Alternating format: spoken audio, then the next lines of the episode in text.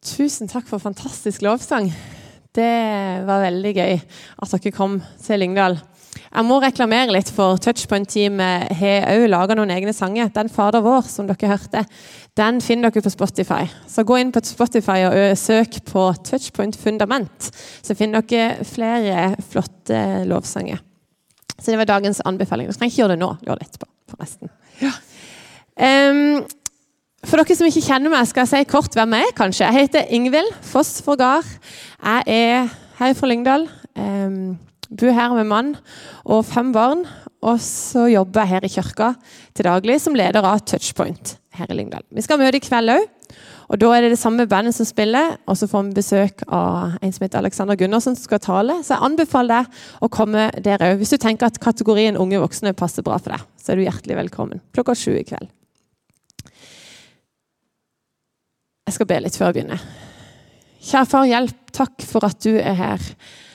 Og takk for at du kan bruke meg til å si noe her i dag.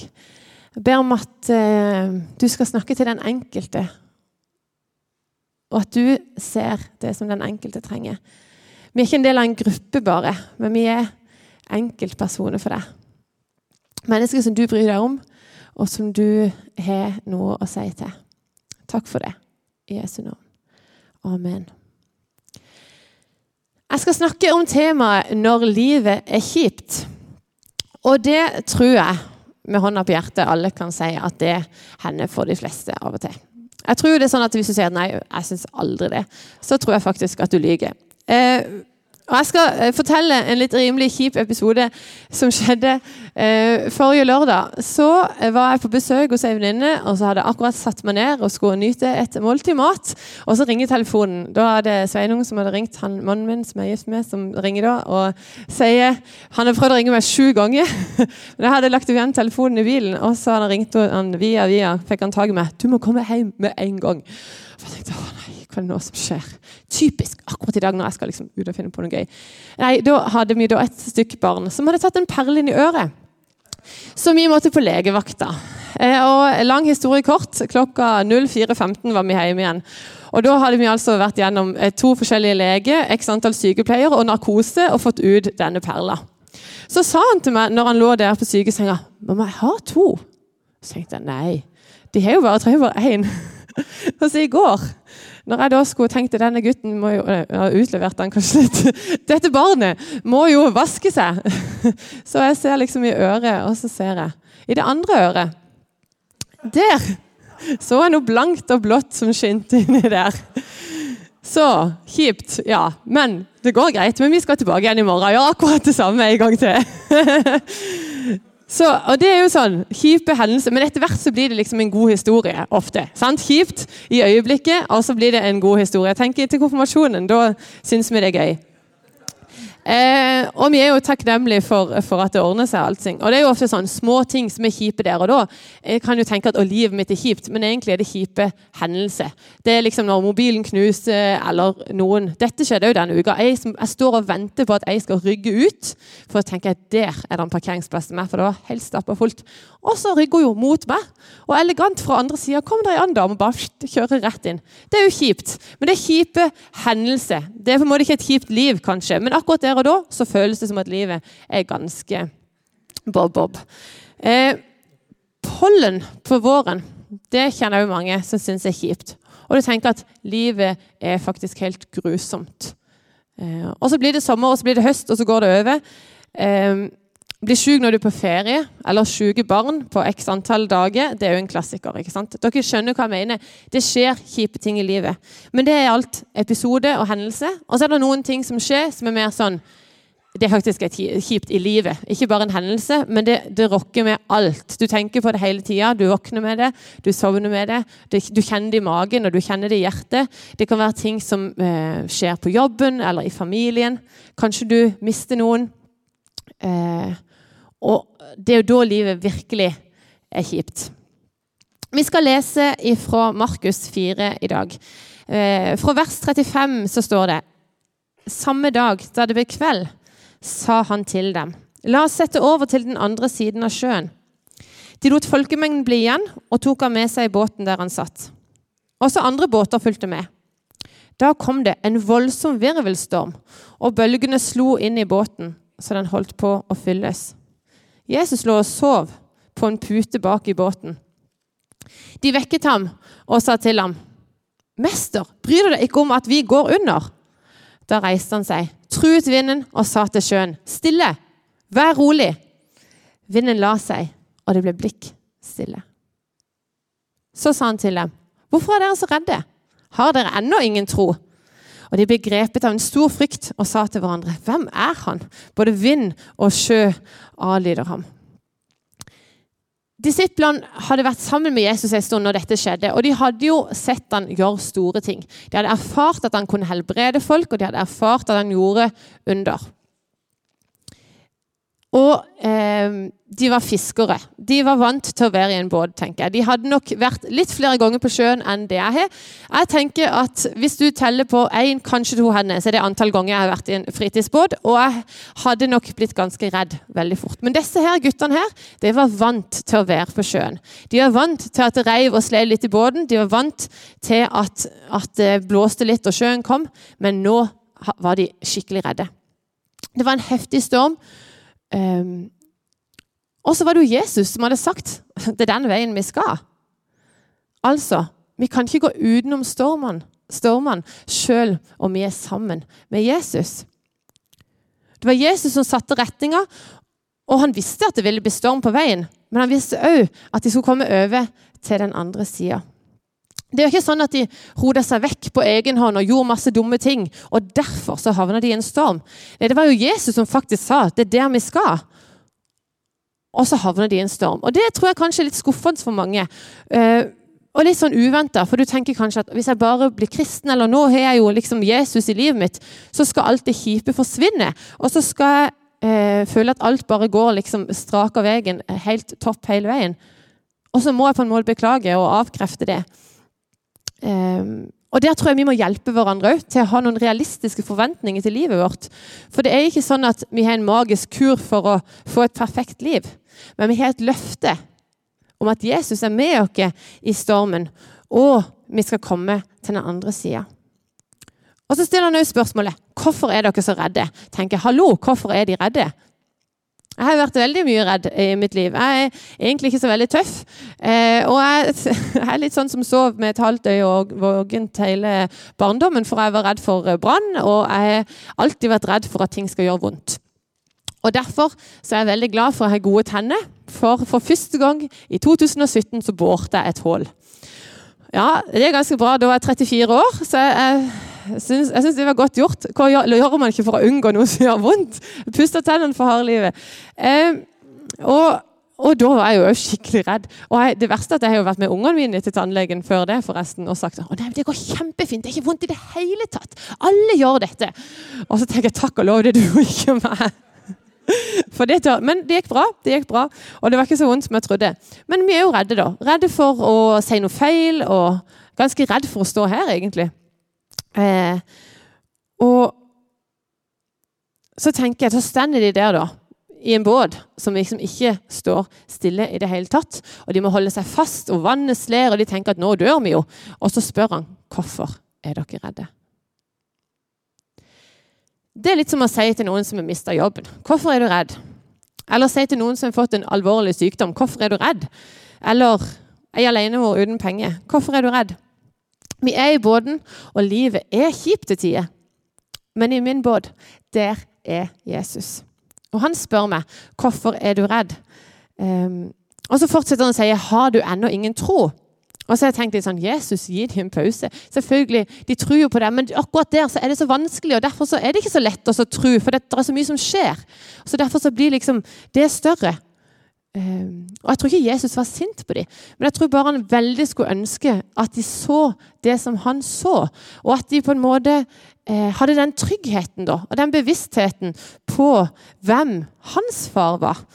Og hva han var i stand til å gjøre i det sitt liv, og i den situasjonen de sto i akkurat der. For de hadde jo sett hva Jesus kunne gjøre. Men det er bare det at i stormene så blir av og til følelsene våre og tankene våre eh, overveldende i forhold til at de blir større enn den tryggheten som vi har i løftene. I 2010 så var jeg på sykehus med min yngste sønn. Han var eh, seks uker. Han var fryktelig tynn, og han var full av infeksjon. Og han ville egentlig ikke spise så veldig masse. Og så var hodet sitt veldig lite i forhold til kroppen, så de reagerte liksom på dette. og De skulle ta masse prøver, de skulle ta masse bilder, og jeg kjente at jeg ble ganske redd, egentlig, for de kunne liksom ikke si helt hva de så etter. Og så spurte jeg veldig han en legen en gang, og så øh, var det sånn ja, men 'Du må si det. Jeg, jeg, er ikke redd for å høre det. Bare si det.' Ja, nei, De var redd for at hjernen ikke vokste og utvikla seg sånn som man skulle.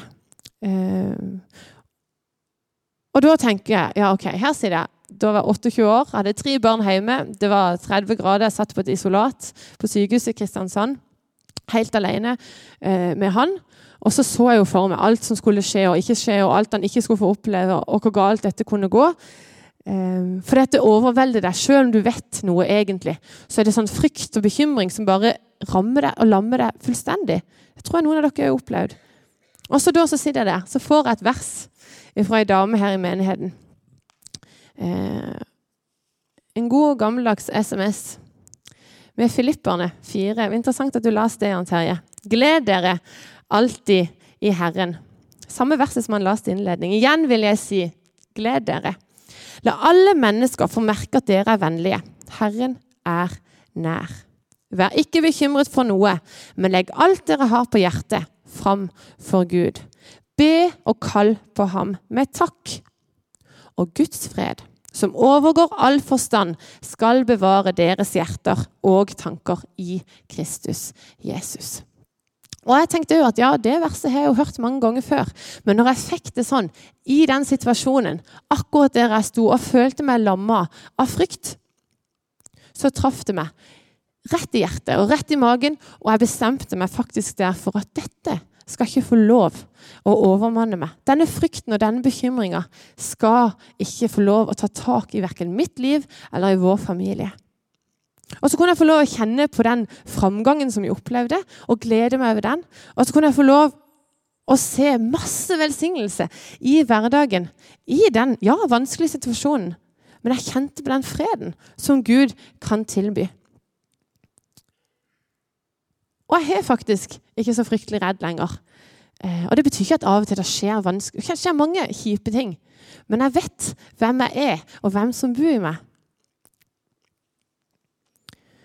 For tre uker siden så var jeg på tur til Romania med Touchpoint.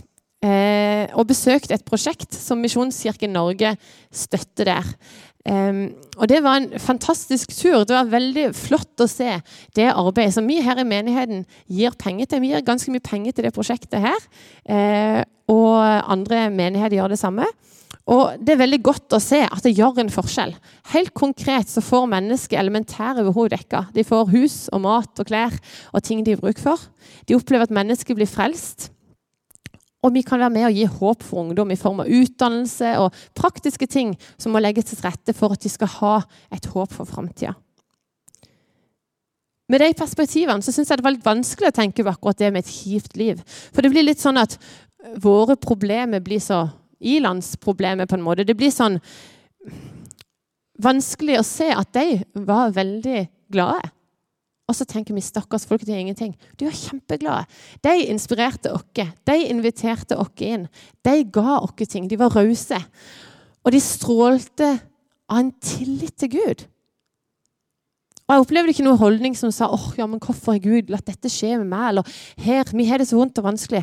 De var så takknemlige for det som de hadde. I Salme 40, 2-3, så står det jeg ventet og håpet på Herren. Han bøyde seg til meg og hørte mitt rop. Han dro meg opp av fordervelsens grav, opp av den dype gjørmen. Han satte mine føtter på fjell og gjorde skrittene faste. De menneskene vi traff der, levde avhengig av Gud, avhengige av Han for å dekke sine grunnleggende behov. Og så brukte de òg det kristne fellesskapet som et sikkerhetsnett og løfta hverandre. For jeg vil komme med en påstand når livet er kjipt, så trekker mange seg bort fra fellesskapet. Jeg tror det er sånn for oss at det er et par hovedoverskrifter på det som er skikkelig kjipt. Ehm, det ofte handler, kan ofte handle om relasjoner av forskjellig art. Det kan handle om økonomi. Eh, eller ressurser generelt. Eh, og I forhold til relasjoner så tenker jeg alle typer forhold. Jeg tenker Søsken, foreldre, barn, eh, venner, eh, ektefelle. Eh, alle typer relasjoner vi er i. Og jeg tror at mange har utfordringer med enten mangel på relasjoner eh, eller sunne, gode relasjoner, men som har problemer. eller vonde relasjoner. Og det er veldig mange som sliter med et eller annet i sitt liv i dag. Og Mange av de problemene som vi ofte har, er jo gjerne tabubelagte. For det handler om disse tingene som er litt sånn vanskelig å ta tak i og si noe om. Eh, og den, Jeg må bare si at jeg anbefaler den, den parkvelden som er på, på torsdag hos Silje Vårli, som skal komme her og snakke. For Da handler det om familie og det å være i et forhold. Og det å si at faktisk så er det ikke alltid helt perfect. Eh, men eh, det fins råd og verktøy for å gjøre ting bra i hverdagen. Eh, det var på torsdag klokka åtte. Men det er mange som har problemer som en kanskje ikke snakker om. Og så tror jeg kanskje det er enda vanskeligere her inne. Innenfor disse veggene er det sånn at fallhøyden er enda større hvis ting går galt i livet eh, når du eh, når du er her. Vi har tatt imot Jesus, og er han på laget, da bør liksom alt gå som smurt. Og så er det sånn at én av tre voksne mennesker i Norge da, oppgir at de i løpet av livet eh, mista kontrollen på sin økonomi. Og Det samme kan vi si om psykisk lidelse. 30-50 av dere vil i løpet av livet oppleve en eller annen form for psykisk lidelse. Likevel så er det noe som mange ikke snakker om. Det er mange som har utfordringer hjemme, i forhold med foreldre, søsken. Eh, folk lever under veldig eh, forskjellige forhold. Eh, og så er det en psykolog som, som jeg fant på nett, som en Robert Spear heter han. Han jobber litt i TV. og så sier han å ikke prate om problemene skaper en dobbel belastning. For det første bekymrer vi oss. For det andre får vi ikke utløp for bekymringene våre. Å gruble har aldri ført til særlig kreative, konstruktive løsninger. Det som må til, er å presentere utfordringer, se på dem fra ulike perspektiv, gjerne sammen med andre man har tillit til, og prøve ut ulike løsninger. Og Det var å snakke med andre mennesker. Men tenk da å kunne dele det med Jesus. Tenk å kunne komme med hele seg til han. Og Likevel så er det mange som tenker at når jeg får fiksa det, da vil jeg komme. Og jeg har hørt folk som har sagt til meg jeg kan ikke gå eh, i kirka, for jeg begynner bare å grine. Eller jeg kan ikke, jeg kan ikke ta inn over meg dette, for, for det blir for vanskelig. En av våre viktigste funksjoner som menighet er å være akkurat der og hjelpe hverandre med de tingene når livet er kjipt. Og det er ikke så fryktelig lett hvis det ikke er noe kontaktpunkt. Hvis ikke det er noen plass der du og meg deler det som vi trenger hverandre til. I 1. Korinterne 12, 26-27 så står det For om ett lem lider, lider alle de andre med. Om ett lem blir hedret, gleder alle de andre seg. Dere er Kristi kropp, og hver av dere et lem på ham. Og I apostelgjerningen 2, 44 står det alle de troende holdt sammen og hadde alt felles. Det var utgangspunktet for den første menighet. De delte alt. Og det var ikke bare eh, ressurser i form av ting og tang, men de delte utfordringer, og de delte glede. Vi skal lese litt mer fra Bibelen om en som hadde skjønt hvem som kunne hjelpe han, og lot seg ikke stoppe når han kunne få møte Jesus. I Markus 10 så står det eh, fra vers 46 De kom til Jeriko. Og Da Jesus dro ut av byen sammen med disiplene og en stor folkemengde, satt en blind mann ved veien og tigget. Han het Bartimeus, sønn av Timeus. Da han hørte at det var Jesus fra Nasaret som kom, satte han i og ropte, 'Jesus, du Davids sønn, ha barmhjertighet med meg.' Mange snakket strengt til ham og ba om tide, men han ropte bare enda høyere, 'Du Davids sønn, ha barmhjertighet med meg.' Da stanset Jesus og sa, 'Be ham komme hit.' De ropte på den blinde og sa til ham, 'Vær ved godt mot, reis deg opp. Han kaller for deg.' Mannen kastet kappen av seg, sprang opp og kom til Jesus. Hva vil du jeg skal gjøre for deg? spurte Jesus. Den blinde svarte, Rabuni, la meg få syn igjen. Da sa Jesus til ham, Gå du, din tro har frelst deg. Straks kunne han se, og han fulgte Jesus på veien. På samme måte som mange andre òg vi blir kjent med i Bibelen, så skjønner Bartimeus at det er faktisk Jesus som kan hjelpe meg. Faktisk den eneste som kunne hjelpe. Og han slipper alt han har, og springer etter Jesus. Ehm, det er ikke noe tilpasning. Det er ikke noe ehm, endring eller eh, klargjøring. Med den bagasjen iført det han sto og gikk i, så sprang han etter Jesus. Og det fellesskapet som en etterfølger av Jesus, det er alle vi invitert inn i. Og Jeg husker sjøl så tenkte jeg for mange år siden at jeg tror på Jesus, men jeg trenger jo ikke menighet. Dette med tro var jo liksom en ting mellom meg og Gud. Jeg tror han fins, og det må jo være bra. Problemet er at det er ikke det eneste jeg trenger. Jeg trenger dette fellesskapet. For Gud har satt menigheten der for at vi skal være noe for hverandre og andre. Og han ber oss om å gjøre de tingene som han trenger å gjøre i denne byen. Vil han at vi skal hjelpe han med. Vi skal være både en redningsvest og en livbøye. Det skal jeg forklare litt. En redningsvest kan du tenke Rart jeg bruker sjøeksempel igjen når jeg ikke er så inne i det, men eh, vi prøver. En redningsvest tenker jeg at du tar alle forhåndsregler, du følger alle sikkerhetstiltak, og du gjør alt det du liksom skal gjøre. Allikevel så kan du komme ut i sjø, og det skjer tøffe ting, og du har redningsvesten på deg, og det går bra. Eller så kan det være at du bare tenker at jeg trenger ikke alt det der. der. Jeg kan sette ut på egen hånd. Jeg klarer meg. Og så går ikke det så himla bra. Og så trenger du gjerne en livbøye. Og så er det ikke menigheten i seg sjøl som redder. Det er Gud som er redningsmannen. Men han bruker menighet som en livbøye for å hanke folk, dra folk, redde folk inn til seg sjøl. Guds ord er sannhet. Og når vi føler på sinne, bitterhet, vonde tanker, så sier Gud at vi skal ikke frykte for noen ting oppfordra av Paulus, som skrev de versene vi har lest et par ganger allerede i dag. Eh, han satt i fengsel. Han levde under et enormt press. Allikevel så sier han, 'Gled dere alltid i Herren'. Igjen vil jeg si, gled dere. La alle mennesker få merke at dere er vennlige. Herren er nær. Vær ikke bekymret for noe, men legg alt dere har på hjertet, framfor Gud. Be og kall på ham med takk. Og Guds fred, som overgår all forstand, skal bevare dere, deres hjerter og tanker i Kristus Jesus. Så det handler ikke bare om meg. Det handler om noe som er større enn meg. Og det handler ikke bare om hva jeg føler eller hva jeg har lyst til, men hva Gud sier, og hva Jesus ber oss om. Og Jesus spør Bartimeus hva kan jeg gjøre for deg. Han spør ikke kan jeg gjøre noe for deg. For det er faktisk så åpenbart. Det er et åpent spørsmål.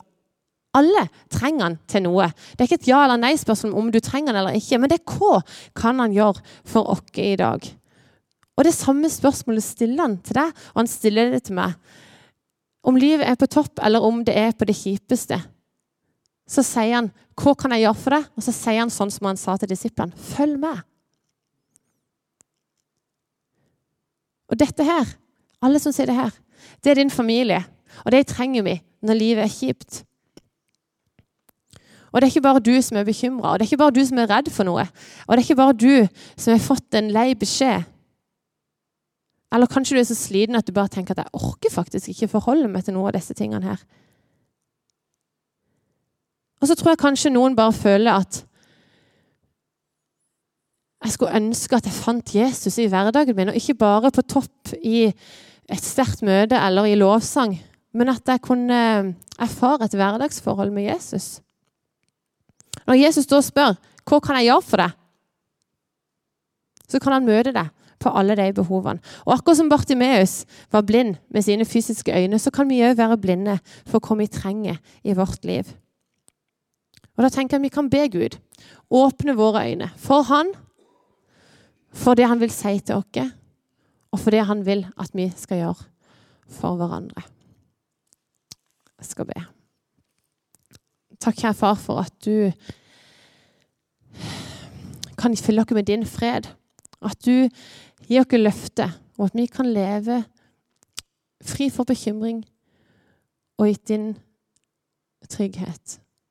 Takk for at du ga Jesus for oss, for hver enkelt, og at vi kan dele nattverd sammen og ta imot det han har gjort for oss.